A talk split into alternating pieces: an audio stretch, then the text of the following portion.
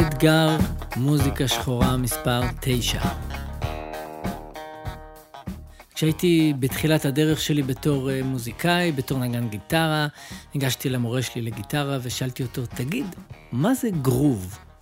כאילו, כולם מדברים על אחלה גרוב, יש לו גרוב, אין לו גרוב, גרוב טוב, בוא נוסיף לזה עוד גרוב. מה, מה זה גרוב? אז הוא חייך אליי ואמר לי, לך תשמע איזה בחור אחד שקוראים לו סטיבי וונדר. סטיבי וונדר הוא האורח שלנו היום במוזיקה שחורה.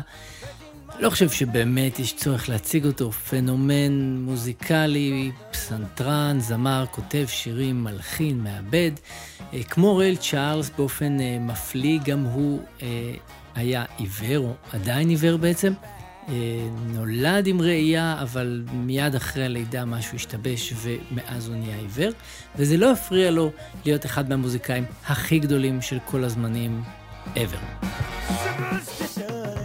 עד כדי כך שב-1963, כשהוא רק בן 13 שנים, השיר הראשון שהוא הוציא בחברת מוטאון, שדיברנו עליה אתמול, שיר שנקרא Finger Tips, הפך להיות לטופ צ'ארטס, מספר אחד בכל מצעדי השירים של ארצות הברית.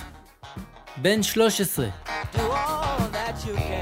מאז הוא הקליט כל כך הרבה אלבומים עם שירים ולעיתים שכולנו מכירים, כמו Superstition שאנחנו שומעים כרגע, I just call to say I love you, כמובן, אה, ובאמת רשימה שגם אם אנחנו לא מכירים את שמות השירים, אנחנו שומעים את זה ברדיו ואנחנו אומרים, אה, איזה שיר גדול.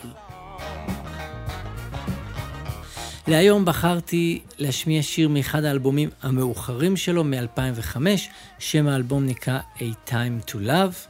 שם השיר נקרא If Your Love Cannot Be Moved. סטיבי וונדר, תהנו.